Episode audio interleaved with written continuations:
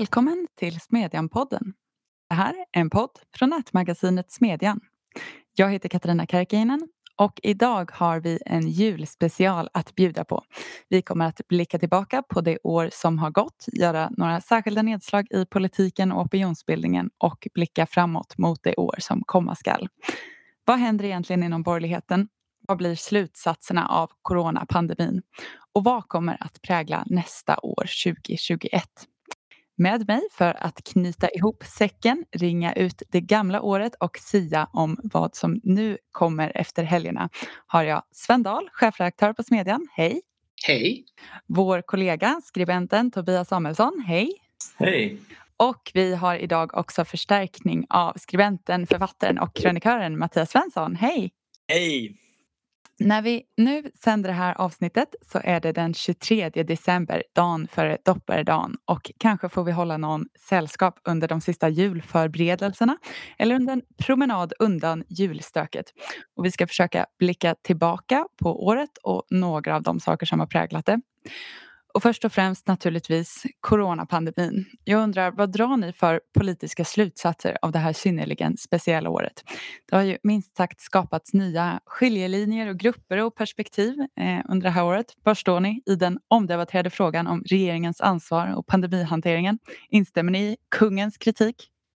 Alltså det som jag fascinerats av och oroats över egentligen under ja, hela året från, från mars och framåt är hur mycket av politiken och den politiska debatten kring pandemin som ja, blivit extremt känslostyrd och, prä, och helt dominerad av ja, men, rädslor för det här viruset. Och därmed verkar nästan alla inblandade aktörer har förlorat den här förmågan till riskbedömningar och avvägningar mellan olika mål som just svåra politiska situationer krävs, eller kräver. Alltså jag, jag längtar fortfarande efter att någon ledande politiker ställde sig upp och ställde den här frågan. Står de vidtagna åtgärderna i proportion till det här hotet som coronaviruset utgör.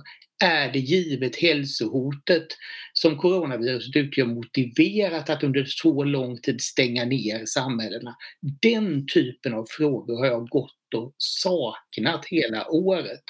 Och istället har vi fått den här ganska märkliga situationen där alla politiker, även vanligtvis frihetligt sinnade politiker, ska väl understrykas, tävlar om att kunna vara så hårda som möjligt i sina restriktioner. Och det blir, det blir minst sagt lite märkligt. Jag Tyckte förut att Mattias skrev väldigt bra om effekten av det här på, på Smedjan häromdagen under rubriken Corona gör inte staten smartare. Jag vet inte om du vill säga någonting om den artikeln Mattias? Eh, ja, det är ju eh, en liten genomgång av så kallade Mises-effekter, alltså regleringar som får närmast motsatt effekt. Eh, jag noterade ju att det var någon i Storbritannien till exempel som hade planerat enligt tidigare att åka iväg till släktingar och där fanns all maten. Nu var den här personen tvungen att ge sig ut i det mest smittotäta området och handla julmat för att kunna stanna hemma. Eh, och den typen av, eh, av oavsedda effekter uppstår alltid och vi har sett en del eh, gränsdragningsproblematik och annat som uppstår som, som ju liksom närmast har eh, komiska förvecklingar. Jag, jag som har, jag har skrivit en bok om alkoholpolitik noterade ju att Storbritannien fick exakt den problematiken kring när de krävde obligatorisk mat för att få, eh, eh få vara på krogen. Eh, och då får man en massa sådana här effekter att Dels frågan vad är mat? Vad, vad, räknas som en riktig måltid där, där scotch ägg, alltså ägg inbakat i kött och bröd, eh, om det är tillräckligt matigt. Det hade hur som helst eh, sett en ökad efterfrågan. Eh, och, och sen så serveras man inte sällan en, en pliktskyldig, den billigaste rätten på menyn eh, därför att man är egentligen där för att dricka och umgås. Och det förekommer till och med att man serveras maten två timmar senare så att man ska kunna sitta, sitta ner. Eh, och, och den där typen eh, av anpassning efter formella eh, lagar och regler fick vi uppleva i Sverige när, när vi hade alkoholrestriktioner av liknande slag.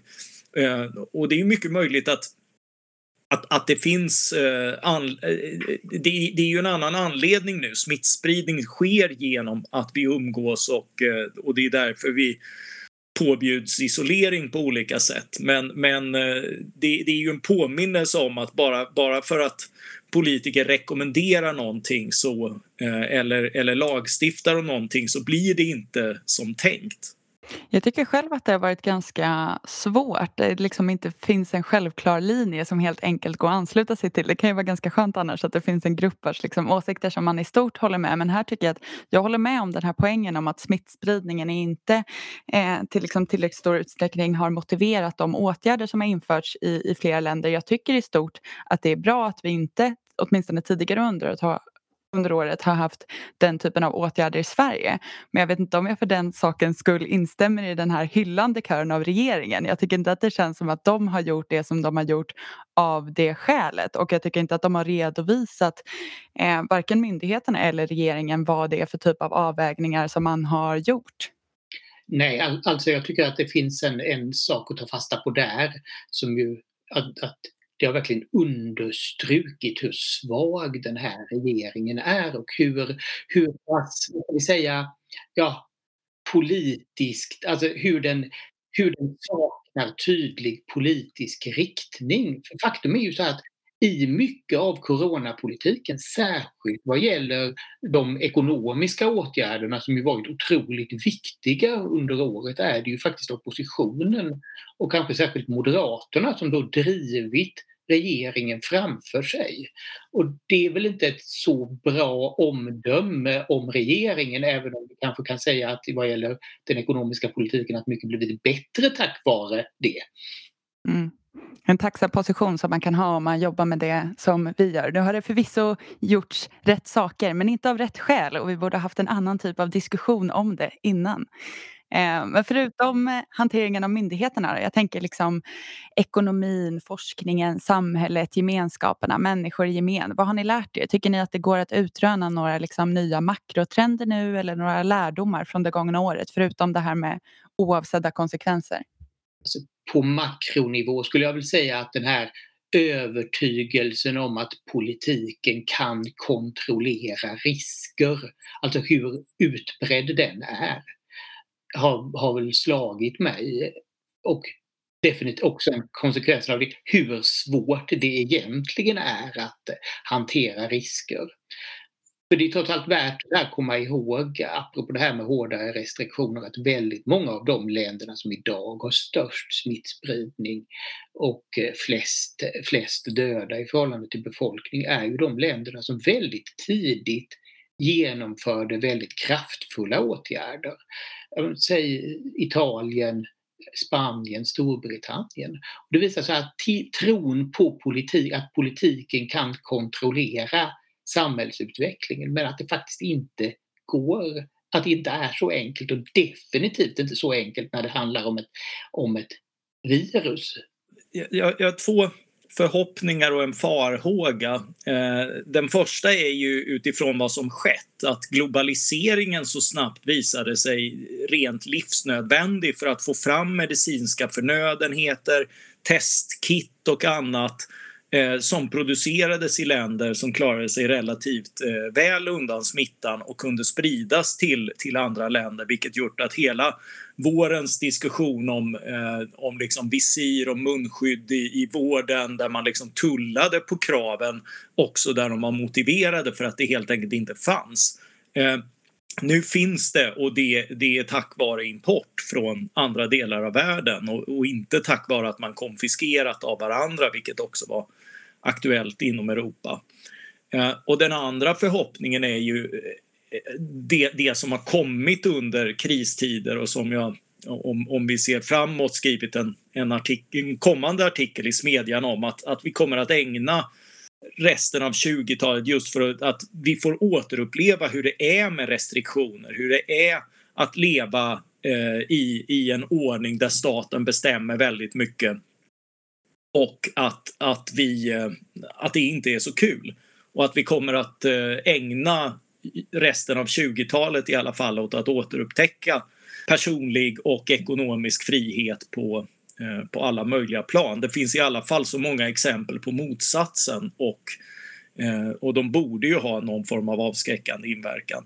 Min farhåga är ett, eh, ett nytt 70-tal, att vi blir fast ganska länge i, stöd, i stödåtgärder som var tänkta att vara tillfälliga. Men om krisen drar ut på tiden så blir ju samma skuldsättning betydligt större och det innebär också att vi har ett, ett näringsliv som är anpassat till eh, en dåtid som inte längre finns. Och, eh, och frågan är då när när politiken ska släppa taget och, eh, och tillåta en, en marknadsmässig anpassning.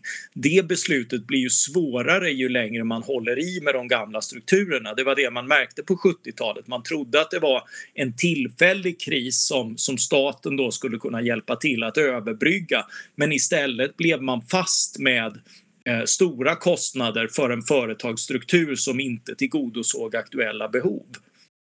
Vad säger du Tobias? Nej, jag håller med mycket det som Mattias lyfter. Alltså, I början av året så fanns det ju en ganska bred globaliseringskritik. Eh, man skilde mycket på liberala segrar men det man kan säga är väl att nu när massvaccineringen drar igång tack vare forskning, innovation, multinationella läkemedelsbolag eh, så har det blivit något av kapitalismens triumf.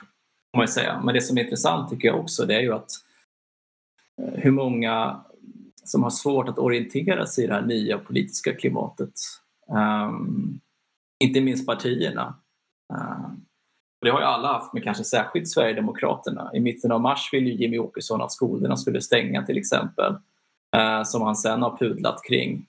Uh, och sen har ju Sverigedemokraterna kommit med uh, bitvis hårda utspel som att Anders Tegnell borde avgå till att vara rätt osynliga i liksom, diskussionen.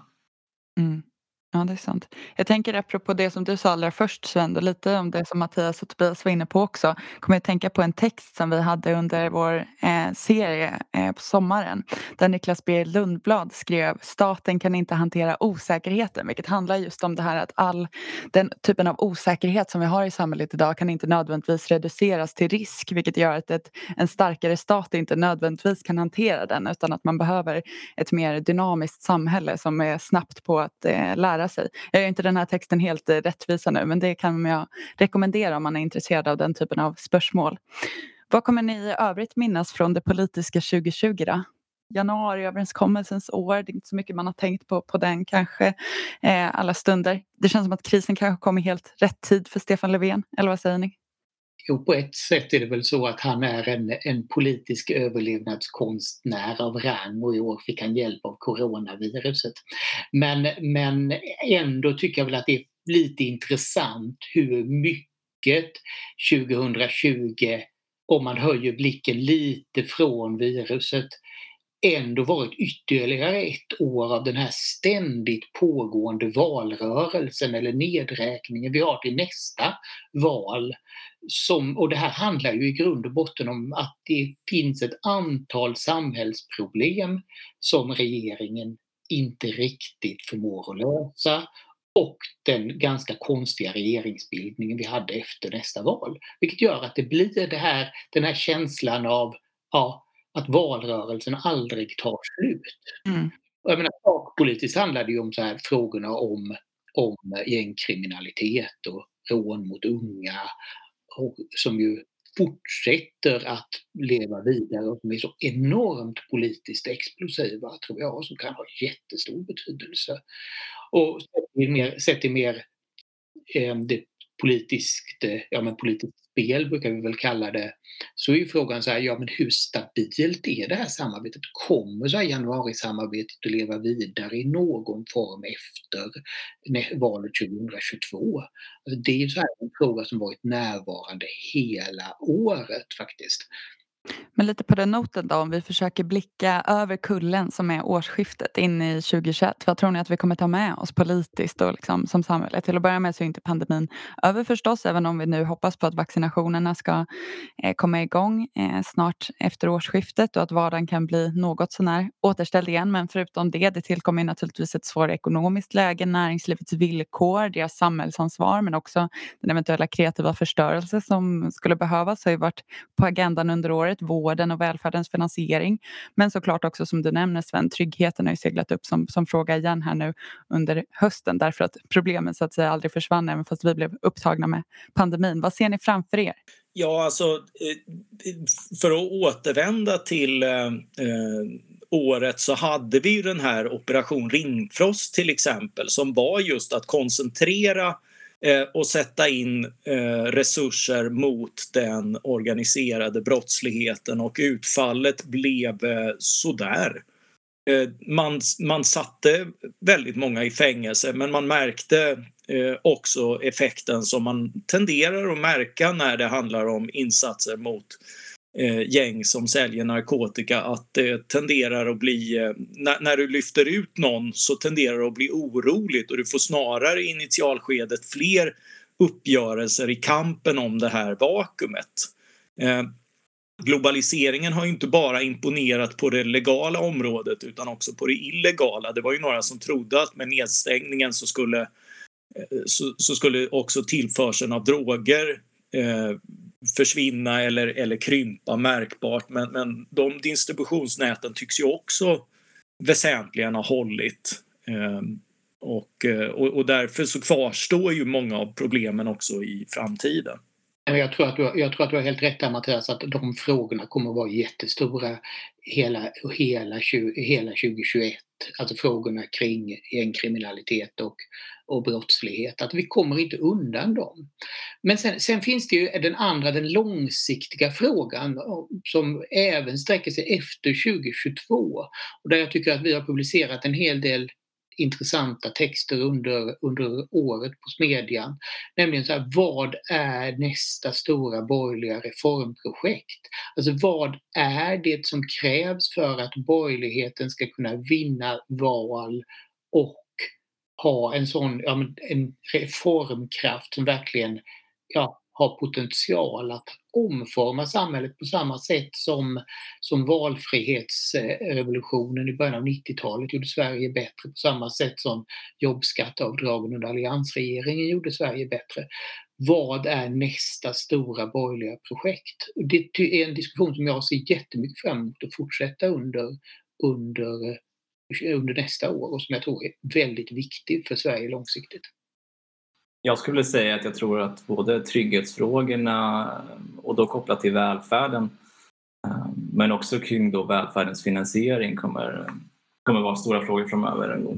Inte minst i kölvattnet av att Coronakommissionen presenterade den här delrapporten i förra veckan med ja, rätt svidande kritik hur äldreomsorgen har hanterats både nu under pandemin men också alltså, strukturella problem som har funnits under en längre tid. Um, och äldreomsorgen har ju varit något av, något av välfärdens sorgebarn redan innan den här pandemin.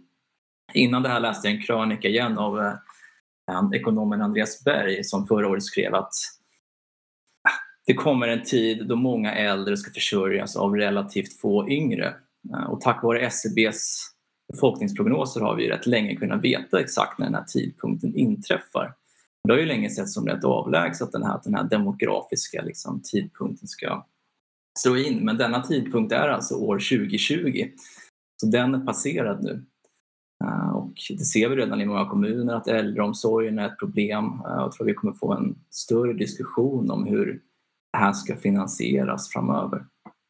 En aspekt på det är ju också så att ja, Socialdemokraterna hoppas ju väldigt mycket på att den här att pandemin ska leda till en återgång till det gamla socialdemokratiska projektet kring, kring äldreomsorg och sjukvård. Jag tror i själva verket att här finns det ett fönster för att genomföra ganska ja, men stora strukturella förändringar och göra i grund och botten ganska dysfunktionella system bättre. Alltså är det, är det någonting som som behövs i den, de här ekvationerna för att de inte ska bli alltför dystopiska så är det ju just innovationer. Alltså precis som vaccinet ändrar dystopin och skapar hopp om, eh, om att bryta, eh, bryta pandemin så, så är det ju innovationsgenombrott som behövs både för att klara välfärden Eh, om, om, man tittar på Japan till exempel så har man en, eh, en, en, robotisering av, av äldreomsorgen. De har, ju, de har ju haft den här demografin i ett par decennier och ligger före andra. Och, eh, i, eh, I en av de böcker jag recenserade i år, eh, Extreme Economies av Richard Davis, så, så besöker han Japan. Eh, och det är både dystert och hoppfullt. Det, det dystra är att, att liksom eh, samhällen med, med, en hög andel äldre blir, eh, blir äldre, alltså mer, mer statiska och eh, det, det, är påtagligt många som, som tycker att livet inte är värt att leva och de lever relativt ensamma. Eh, hoppet är samtidigt att, att man förmår förnya sig. Det, det sker en, en robotisering och en teknikutveckling kopplad till äldreomsorgen och den gör också att eh, det är fler män som jobbar i äldreomsorgen. Man har brutit den här lite grann könsbarriären eh, med, med hjälp av, av prylar och teknik. Kvinnor kan, kan bära utan teknisk utrustning men män tycker det är häftigare om de får ta på sig någon, någon eh, tröja eller något sånt där som gör dem starkare. Eh, och, och det där Eh, Eh, en annan sån fråga är ju klimatet där, där vi behöver få en, en radikal minskning av, eh, av utsläpp och där det finns där, där hoppet står just kring tekniska genombrott för batteriteknik, eh, prisfall på förnybar energi och, och en möjlighet att, att ställa om till dynamiska ekonomier genom nya energislag som är billiga och allmänt tillgängliga. För, för annars kommer inte, att, att, eh, kommer inte ekvationen att gå ihop om vi ska ro ihop andra eh, mänskliga ambitioner också, att, att bli rikare och leva bättre. Vi måste nästan blicka lite inåt mot media och opinionsbildningssfären också. Det är ju en del som är i rörelse nu. Under hösten så har många byten aviserats. Lydia Wåhlsten lämnar Svenska Dagbladet för att komma till oss på Timbro. Ivar Arpi lämnar också ledarsidan för att gå till den nya satsningen Bulletin, precis som många andra bekanta namn. Paulina Neuding leder det projektet. Och in på Svenska Dagbladet går Mattias Svensson raka vägen från Dagens Nyheter och dessutom ackompanjerad av Lena Andersson som ju går över som krönikör från DN till SvD. Till att börja med, hur känns det Mattias? Och därefter, vad är era fem cent om de här förflyttningarna, satsningarna och status i medielandskapet? Eh, ja, alltså det, det, var ett väldigt roligt erbjudande att få. Eh, jag har förvisso älskat min frilanstillvaro med, med ett flertal uppdrag, bland annat på DN men också här för Smedjan och annat. Eh, jag har varit kulturskribent på Aftonbladet och kulturkrönikör i Opolens. Och erbjudandet eh, från Tove var lite grann att blanda allt det på en sida. Och det tycker jag ska bli, ska bli oerhört spännande även om, även om jag kommer att sakna de andra uppdragen. och Eh, det, det är väl lite grann så eh, ta, talande för medieklimatet. Alltså eh, sidorna blir på ett sätt breddade, sökande i samtiden både i format och, eh, och innehåll därför att medier behöver förändras för att tilltala folk i en ny tid. Eh, den eh, politiska stämpeln på tidningens ledarsida var ju, var ju ganska obsolet om man tänker 90-2000-tal. Då var, då var ledarredaktionen en, en liten del av, av det mediala materialet och, och något som andra journalister skämdes för. Men, men vi har ju sett ett, ett uppsving för, eh, för att också arbeta med opinions journalistik och det märkte vi redan när vi jobbade med Neo att det här är ju det här är inte bara en, en inlåsning att man måste tycka en massa saker utan också en möjlighet att eh, att, att till en analys av, av, av samtiden, av verkligheten, av ett nyhetsproblem lägga en uppfattning och policyfrågor. Och det var, det var så vårt erbjudande till skribenter skrev, eh, såg ut. Och, eh, och det kan vara ett mycket fruktbart sätt att, eh, att, att jobba på, att, att kombinera de två. Eh, det behöver liksom inte innebära att man, att man får en snävare världsbild och att, eh, och att liksom allt blir inrutat i, i att det ska passa specifika åsikter utan, utan det är snarare en korsbefruktning som, som i sina bästa stunder och, och med respekt för liksom de olika fälten kan, kan berika varandra. Och det tror jag vi kommer se mer av i, i medieklimatet framöver. Det låter hoppfullt. Om vi alldeles kort bör betrakta Smedjans år nu när det är tid för bokslut för nya redaktionen och året. Hur tycker ni att det har varit? Tobias, några särskilda reportage vi minns? Och Sven, vad kan vi vänta oss framöver? Och vad får vi inte missa nu under helgerna? Ja, men jag tycker det finns flera reportage att minnas från året. Eh, ett som man såklart måste nämna är väl Adam Danieli ser ju om kommunikatörerna, de kommunala kommunikatörerna, även om de finns i alla typer av offentlig verksamhet. Som är, det var väl en form av sist på bollen journalistik egentligen. De här eh, kommunikatörerna har ju skrivits om i, och diskuterats i åratal egentligen.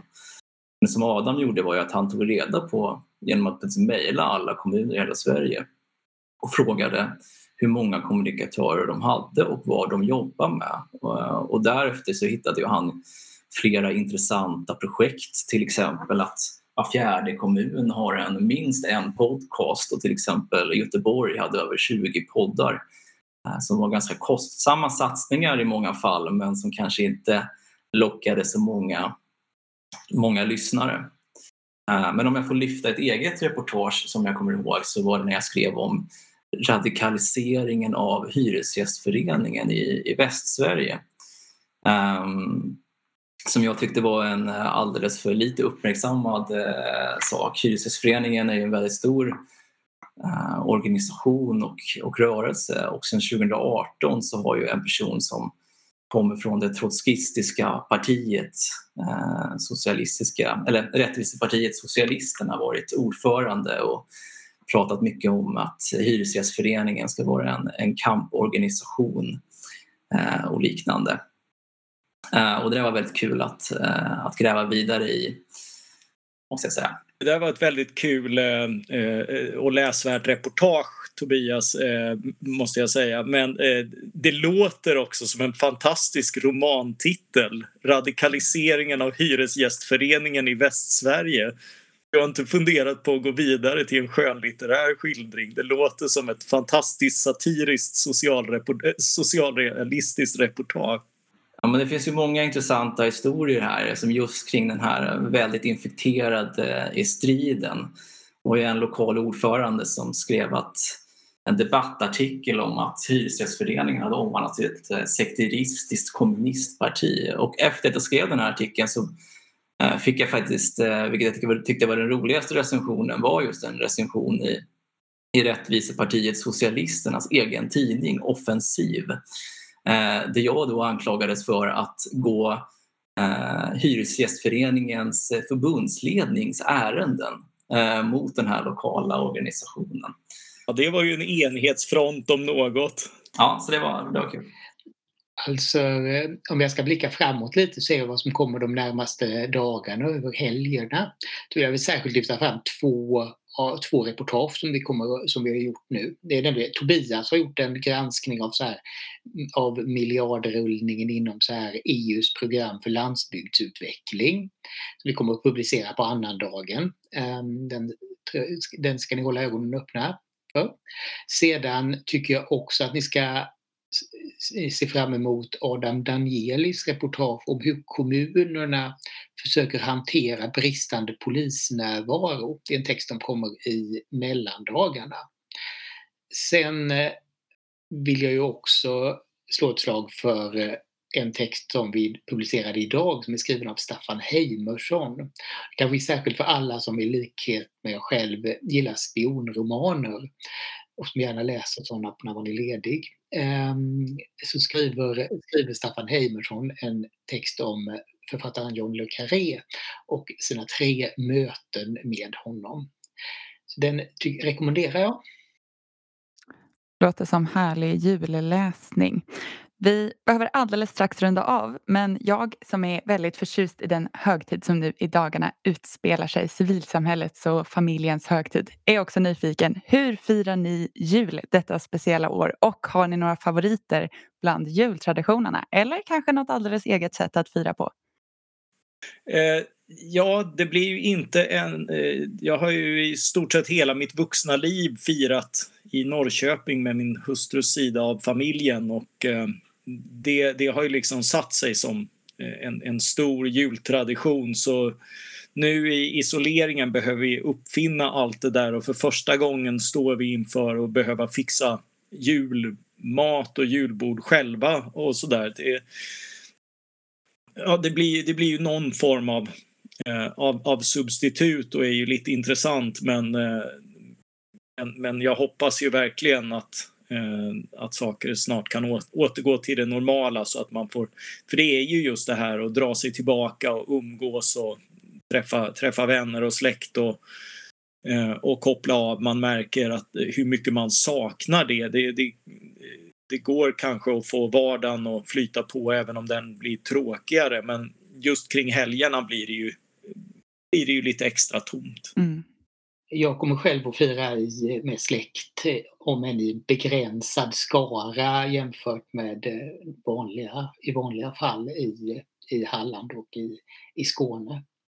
Ja, och jag kommer fira också i begränsad skala eh, hemma i Eskilstuna. Sen den andra frågan är ju förstås väldigt mycket roligare. Finns det någon trevlig eh, tradition som jag vill lyfta fram? Eller någon så, så skulle det vara så här. Jag är väldigt förtjust i pepparkakor med Santa Gyr och ett glas portvin till. Jag tycker att det är en så här trevlig avslutning på varje dag under julhelgen. Så det rekommenderar jag. Vad härligt. Det låter ljuvligt. Och med det sagt så tror jag att jag får lov att säga varmt tack till er som har lyssnat på dagens avsnitt och naturligtvis varmt tack till Sven Dahl, Tobias Samuelsson och Mattias Svensson. Nästa vecka så har vi en paus i podden över nyår men därefter så är vi tillbaka som vanligt. Och så länge så får ni se till att surfa in på timbro.se median om ni får en stund över under firandet och vill få kanske nya, några nya idéer eller perspektiv att ta med er till samtalen med familjen. Och från oss till alla lyssnare och läsare, nu går vi mot ljusare tider och vi vill passa på att önska er en riktigt god och fröjdefull jul och ett gott nytt år. Vi hörs efter helgerna. God jul. God jul. God jul.